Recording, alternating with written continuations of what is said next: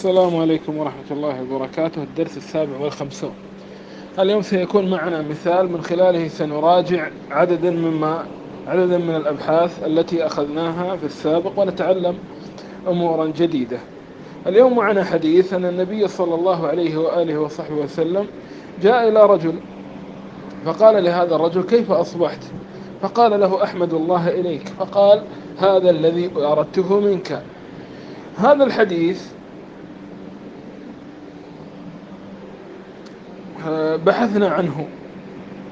ممكن من خلال برامج بحثية ممكن من خلال الجامع الصغير ممكن من خلال موسوعة أطراف الحديث ممكن من خلال جامع مفهرس فوجدناه في معجم الطبراني الكبير. طبعا أخبار معجم الطبراني الكبير للمراجعة معجم الطبراني الكبير مرتب على الصحابة. كمسند أحمد يعني ليس كمعجميه الآخرين. معجم الأوسط والصغير مرتب على شيوخه. أما هذا مرتب على الصحابة.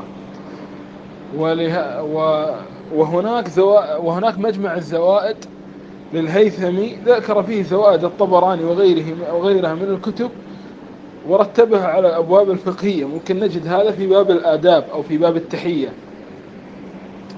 وأيضا س... وهناك مجمع البحرين أيضا للهيثمي الهيثمي وليس الهيتمي. الهيتمي متأخر عن الهيثمي وكلاهما ابن حجر. طيب. وهما شخصان وليس شخصا واحدا. طيب.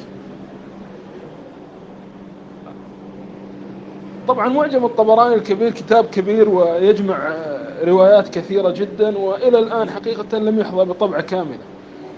ومع ذلك الطبعة الموجودة بين أيدينا فيها قرابة مئات في الحقيقة يوجد آلاف الروايات.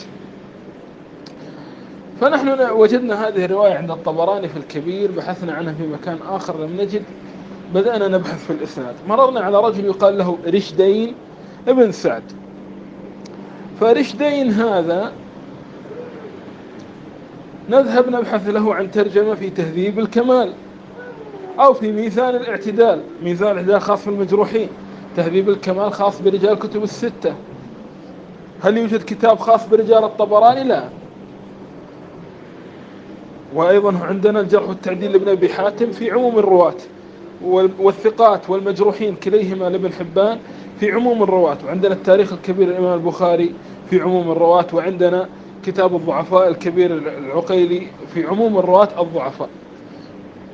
حين نقرأ ترجمة رشدين نكتشف أنه أن عامة الأئمة كانوا يضعفونه جدا. وعللوا هذا التضعيف بالكلمة التالية. قالوا كان يلقن قال ابن حبان كان يقرأ كل ما يدفع إليه. ما معنى يلقن؟ كنت شرحتها لكم آنفا والآن سأعيد شرحها. الجرح بالتلقين هذا من أشد الجروح تجعل الراوي في مصاف الكذابين وإن كان صادقا. وهو أنه يكتب في كتبه أحاديث ليست له. ويرويها كأنها له أو يأتي الذي يقرأ عليه فيزيد أحاديث ليست في الكتاب وهو لا يتنبه لها. أو يأتي أو يأتي يأتون ويقرؤون عليه آه، أمورا ويقولون له كأنك سمعتها فيقول ها كأني نعم سمعتها روها عني. وهذا يحصل لبعض الناس من ناحية أنه يسمع الكثير فيصير يتوهم أنني قد أكون سمعت أم لا. ولهذا السبب مثلا شعبة رضي الله عنه شعب الحجاج كان لا يحدث إلا بما يحفظ وإن كان في كتابه. وإن كان في كتابه. طبعا وهذا المستوى العالي جدا من النقد لا تكاد تجده إلا في علم الحديث الإسلامي. مثل أنهم يقولون فلان يلقن وفلان. فرشدين هنا ضعيف جدا فهذه الرواية أخت العدم. هناك رواية أخرى عند مبارك في الزهد معضلة. تابعي تابعي يرويها عن رسول الله. ما هو المعضل؟ المعضل هو آه، ما سقط منه راويين على التوالي. تابع التابعي في العادة كم يكون بينه وبين النبي؟ اثنان على الأقل تابعي والصحابي فهذه رواية لا تصلح للتقوية فالأولى ضعيفة جدا والثانية هكذا. طيب. هناك رواية في في الأدب المفرد للبخاري بنفس المتن ولكن الحادثة حصلت مع عمر بن الخطاب. طبعا قد يكون هذا هو الصحيح وهذا أصح شيء وهو في الموطأ لمالك أيضا. كتاب الأدب المفرد للبخاري هذا كتاب ليس في صحيحه. آه هذا كتاب مختلف عن صحيح البخاري. البخاري له عدة كتب غير الصحيح. منها كتابه الأدب المفرد. وهو الذي جمع فيه الأحاديث المتعلقة في الآداب مع أنه في الصحيح عنده كتاب في الأدب. ولكن في الصحيح اقتصر على أعلى الأحاديث درجة في الصحة لأنه الكتاب في الصحيح. أما في كتاب الآداب فصار يأتي بالصحيح وما دونه مما هو محتمل في الأدب المفرد. وصار يكثر من ذكر آثار الصحابة والتابعين أما في صحيحه فهو كان يخصصه لأحاديث النبي صلى الله عليه وسلم المرفوعة.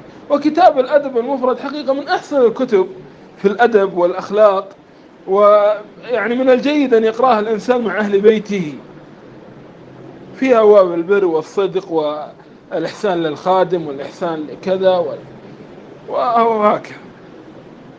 فالذي يبدو والله أعلم أن هذا الحديث طبعا هو في الأدب المفرد البخاري من طريق مالك وهو في موطأ مالك أيضا. وهذه طبعا من العواضد التي تعود دائما فالحديث لا يصح عن النبي صلى الله عليه وسلم ولكنه يصح من آه، كلام عمر بن الخطاب. فاليوم عملنا مراجعة على التلقين وعلى المعضل و وأيضا آه، تعرفنا على كتاب البخاري الأدب المفرد.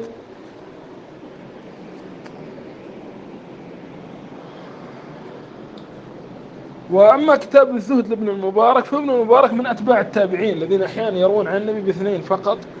وله كتب كثيرة مطبوعة الزهد والمسند والجهاد وغيره وكتاب الزهد يعني كما هو عنوانه يعتني بمثل هذه العناوين. وحتى تلاحظ المالك يروي عن عن النبي بواسطتين فقط. إسحاق بن عبد الله بن أبي طلحة عن أنس.